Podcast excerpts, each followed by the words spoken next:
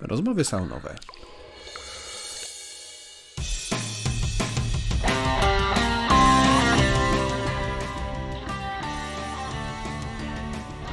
Witam w podcaście Sauna Grow.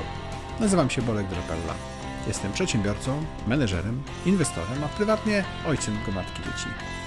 W życiu zawodowym pomagam firmom rosnąć mądrze, rozwijać się międzynarodowo i korzystać z dobrodziejstw technologii przy jednoczesnym zachowaniu ludzkiej twarzy w biznesie. Zapraszam do sauny. Porozmawiajmy o biznesie i nie tylko. Cześć. Dziś chciałbym się razem z Wami pochylić nad tematem tego, jak powinna wyglądać struktura udziału w firmie w czasie, czyli jak to się zmienia. Zaczynamy od e, jakiegoś zespołu założycielskiego, z czasem dochodzą inwestycje zewnętrzne, no ale pytanie jest często, ile oddać firmy, za jaką inwestycję i tak naprawdę jak tym zarządzić. Tutaj moje doświadczenia pochodzą z dwóch stron. Zarówno uczestniczyłem w procesach pozyskiwania pieniędzy dla spółek, takich jak na przykład Morizon czy AirHelp, gdzie łączna wartość wszystkich rund finansowania tych biznesów, w które byłem zaangażowany, to solidne kilkadziesiąt milionów złotych. Ale też i z drugiej strony, od półtorej roku jestem, można powiedzieć, po drugiej stronie barykady, gdzie sam jestem inwestorem oraz razem z zespołem funduszu Black Pearls VC inwestuję w wiele firm na różnych etapach. Tutaj e, tylko w ciągu ostatnich 12 miesięcy zrealizowaliśmy kilkanaście inwestycji na około 20 milionów złotych, a cały Black Pearls w 2019 roku przeanalizował blisko 1000 projektów starających się o finansowanie. I to, jak wygląda struktura udziałów firmy, jest jednym z kluczowych elementów oceny potencjalnej inwestycji. Czasem jest też powodem odrzucenia projektu z taką etykietą że firma jest nieinwestowalna. I tu chciałbym w tym odcinku krok po kroku przeprowadzić Was przez e, różne etapy finansowania i tego, jak zazwyczaj do, dobrze wygląda struktura udziału w firmie i jakich rzeczy należy unikać na poszczególnych etapach. Zaczynamy od etapu założycielskiego. Czasami blisko e, mówi się o tym etapie jako pre-seed, czy takim powiedzmy etapie gdzie pierwszy raz staramy się o pieniądze z zewnątrz. Oczywiście, przynajmniej oczywiście, dla mnie nie było to oczywiste, jak zakładałem swój pierwszy biznes i, i e, ciągle z, e, od klientów Sauna Grow wiem, że nie jest to często oczywiste dla nich, ale użyłem słowa oczywiste, bo dla mnie już w tej chwili to jest naturalne i oby było również dla Was, że nie powinno się zaczynać biznesu samemu i bronić tych 100% własności jak niepodległości żeby było jasne, nie mówię tutaj o tym, gdzie jesteśmy stuprocentowym właścicielem i mamy pracowników. To nadal jest zaczynanie biznesu samemu.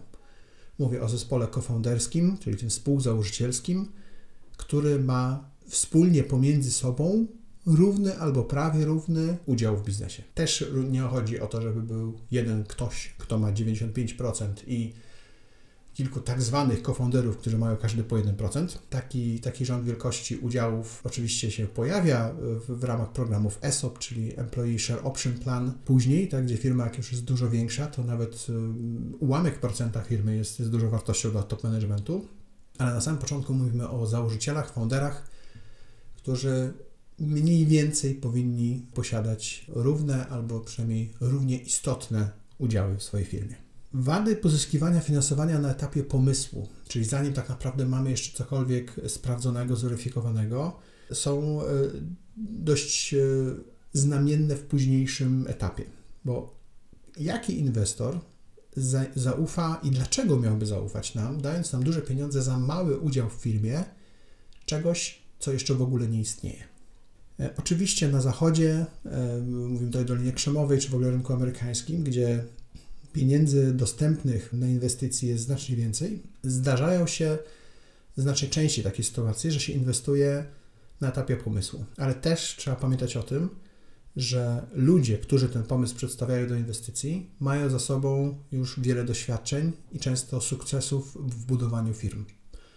To są tak zwani seryjni przedsiębiorcy, to są ludzie, którzy mają ten tak zwany track record Tak? Czyli oni już w przeszłości zbudowali potężne biznesy i wtedy inwestuje się w tych ludzi i w jakiś ich pomysł, a nie tak naprawdę w firmę, która dopiero powstanie. Ale co do zasady i zazwyczaj jest tak, że finansowanie na etapie pomysłu oznacza konieczność oddania zbyt dużej części udziałów na zbyt wczesnym etapie. Mówi się e, często o aniołach biznesu.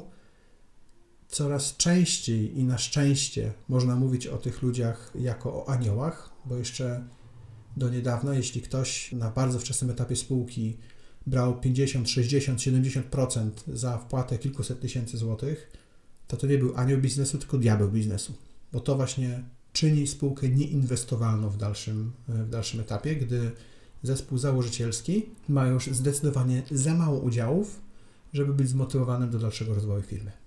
Czyli etap założycielski, no, różne są to jakby definicje, ale to, to wejście aniołów na, na w miarę wczesnym etapie nie powinno raczej przekraczać 20% udziałów. Oczywiście to jest kwestia indywidualna, bo firma może być trochę bardziej rozwinięta i będzie bliżej tych kolejnych etapów, może być bliżej wcześniejszych etapów, ale generalnie na tym etapie pre-seedowym czy seedowym, czyli kolejnym etapie, dobrze by było, żeby founderzy, na przykład w drugim etapie, czyli tym seedowym, nie tylko utrzymywali nadal kontrolę, czyli mieli to 51, ale raczej byli w okolicach 60-70% udziału w całej firmie.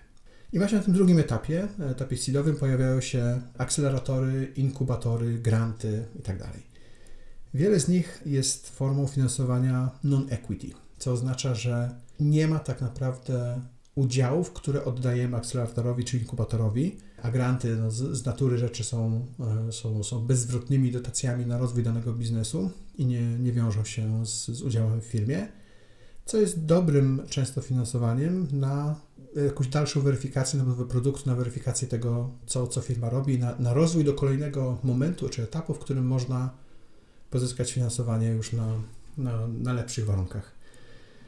Tu trzeba jednak uważać na publiczne inkubatory czy akceleratory, które czasami mają no niby niewielki, ale jednak jakiś y, element equity, czyli biorą 5% powiedzmy w udziału w firmie. Niby niewiele, ale czasami może to przeszkadzać i znowu czynić spółkę nieinwestowalną. Głównie dlatego, że jeśli są to inkubatory prowadzone przez instytucje publiczne, to y, obostrzenia, jakie są związane e, z decyzjami, jakie mogą podejmować podmioty, które mają w swoim e, table capie, czyli w swojej strukturze udziałów e, podmioty publiczne, są często dla kolejnych prywatnych inwestorów zbyt ograniczające w dalszym rozwoju spółki. I zdarzały się takie, takie sytuacje, gdzie spółki nie mogły pozyskać finansowania z funduszy, dlatego że obostrzenia wynikające z udziału już podmiotu publicznego były zbyt duże. I na tym etapie seedowym pojawia się też e, zazwyczaj pierwszy ESOP, czyli e, wspomniany już wcześniej Employee Share Option Plan. To jest część udziałów, która jest przygotowana i przeznaczona dla kluczowych pracowników, zazwyczaj poza zespołem founderskim. Czasami zespół founderski też się uwzględnia w ESOPie, ale zazwyczaj chodzi tutaj o nowe osoby, które dołączą już na etapie, kiedy firma ma kilkanaście czy niskie kilkadziesiąt e, pracowników kiedy pojawia się dodatkowy szczebel managementu pomiędzy founderami a liniowymi pracownikami i tych ludzi, żeby za, zaprosić skutecznie, za, zaciekawić tą spółką, często e, tych właśnie najbardziej doświadczonych ludzi, którzy już mają ze sobą doświadczenia rozwoju e, firm od, od prawie zera do czegoś dużego, to oferuje się właśnie obietnicę udziału w firmie. To jest e, bardzo dobry, motywacyjny element czy program, e, który pomaga mieć podobną wizję e, długoterminowych celów e, nie tylko wśród founderów, ale, ale również wśród kluczowych osób w firmie. Zazwyczaj na tym etapie alokuje się czy, czy przeznacza, emituje się dodatkowe 10% udziałów, albo wśród udziałowców uzyskuje się zgodę na wyemitowanie dodatkowych 10% udziałów, które są tak zwane westowane w czasie.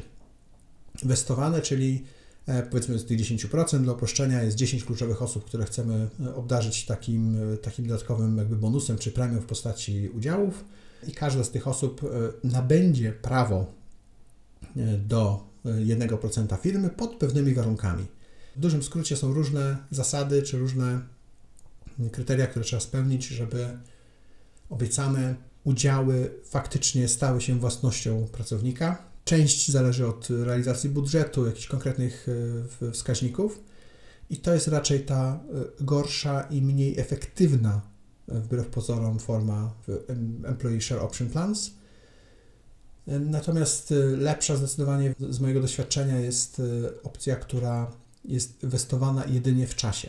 Czyli wystarczy w cudzysłowie być w firmie zaangażowanym przez 4 lata, na przykład 4 lata, żeby ten cały procent się odłożył i był nasz. Dlaczego to jest lepsze? Ponieważ to daje możliwość szybko rosnącej, dynamicznie rozwijającej się firmie do modyfikowania celów e, średnio czy krótkoterminowych po to, żeby długoterminowe miały sens. Jeśli, jeśli byśmy uzależnili nadanie ESOP-u e, czy tych udziałów od konkretnego czynnika, a potem by się ten czynnik zmienił, bo lepszy byłby dla firmy inny, no to już ciężko nam będzie zmienić zasady e, przyznania tej, tej premii w postaci udziałów. A takie założenie luźne, że my obiecujemy komuś dać te udziały tak długo, jak ta osoba jest dla nas, dla, dla firmy wartościowa i dostarcza tej wartości, jest udziałem bardziej fair. W takim znaczeniu, że jeśli ta osoba faktycznie dostarcza wartość, to jej nigdy nie zwolnimy. Będziemy się starać, żeby, żeby została, została w firmie, bo przecież dostarcza wartość, a jeśli nie dostarcza tej wartości, to nie tylko nie powinno być jej w tej firmie, ale już na pewno nie powinno dostawać udziału za to. E, więc to jest układ e, może trochę wydaje się bardziej surowy, ale wbrew pozorom znacznie bardziej uczciwy. Czyli ESOP oparty o westowanie, czyli takie odkładanie się w czasie udziałów. Ten e, ESOP, czyli ta pula dla pracowników, często jest dodawana z perspektywy funduszy VC do udziałów posiadanych przez zespół. To jest ważne z perspektywy tego, jaką tak naprawdę częścią firmy dysponują ludzie operacyjnie w nią zaangażowani czyli pracownicy kluczowi, oryginalni założyciele.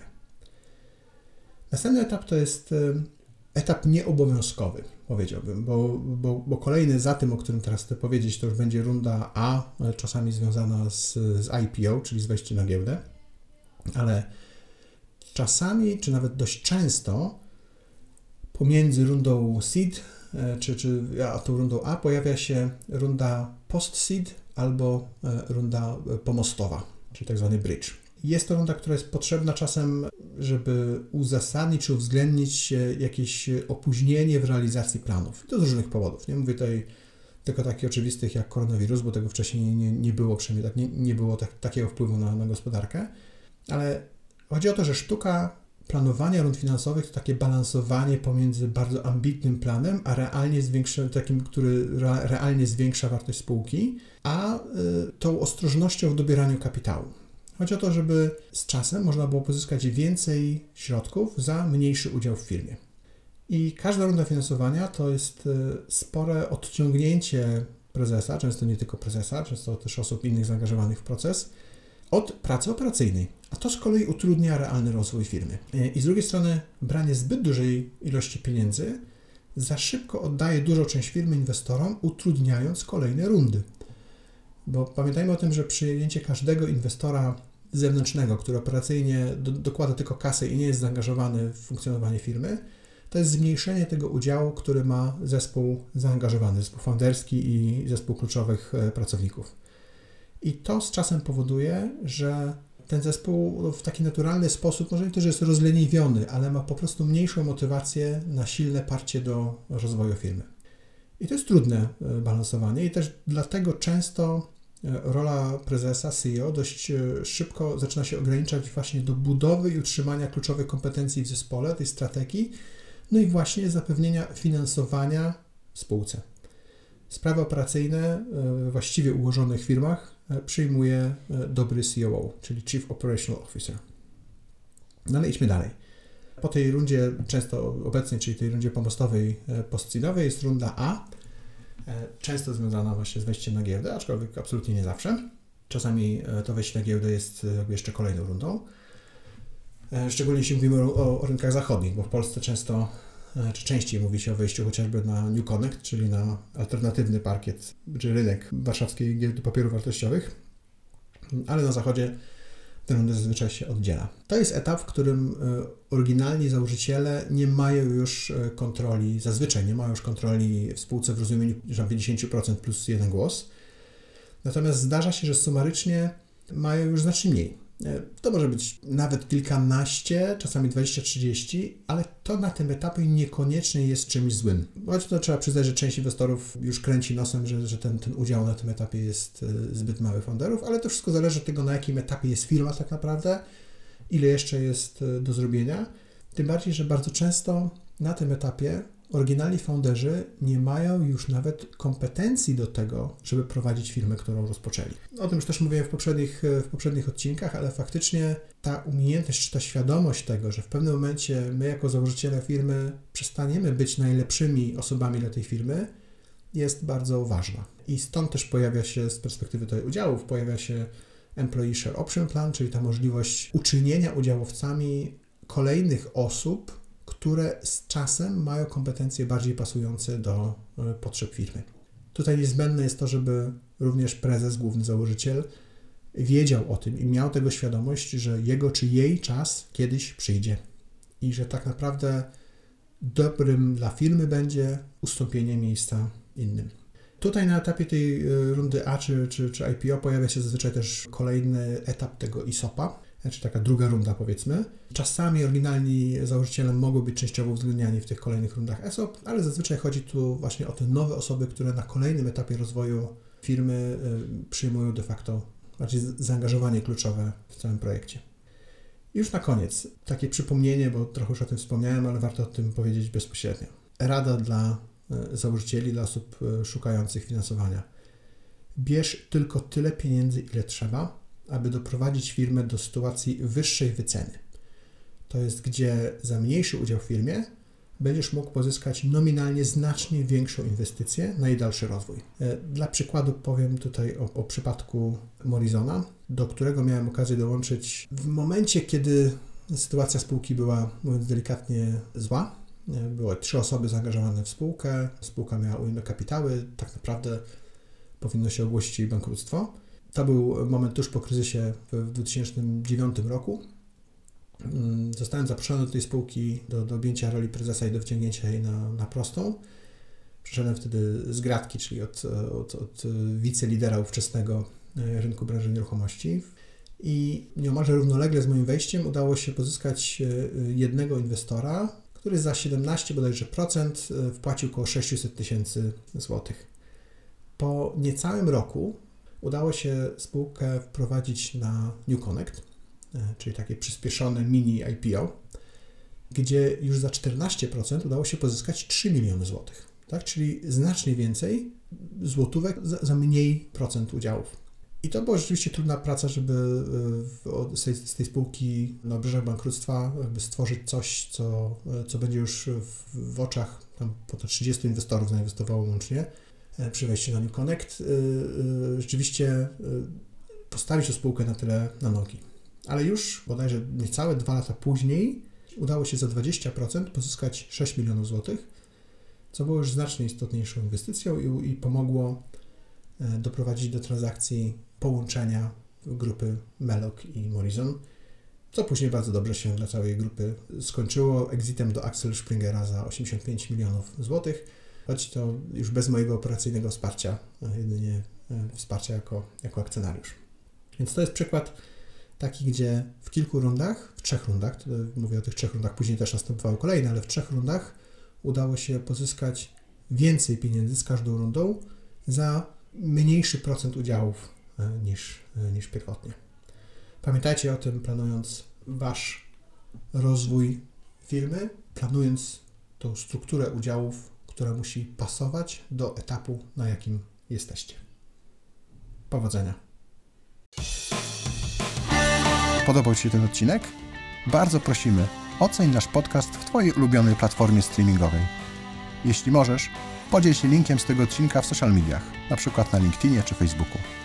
Dzięki temu możemy sprawnie działać i nagrywać kolejne podcasty.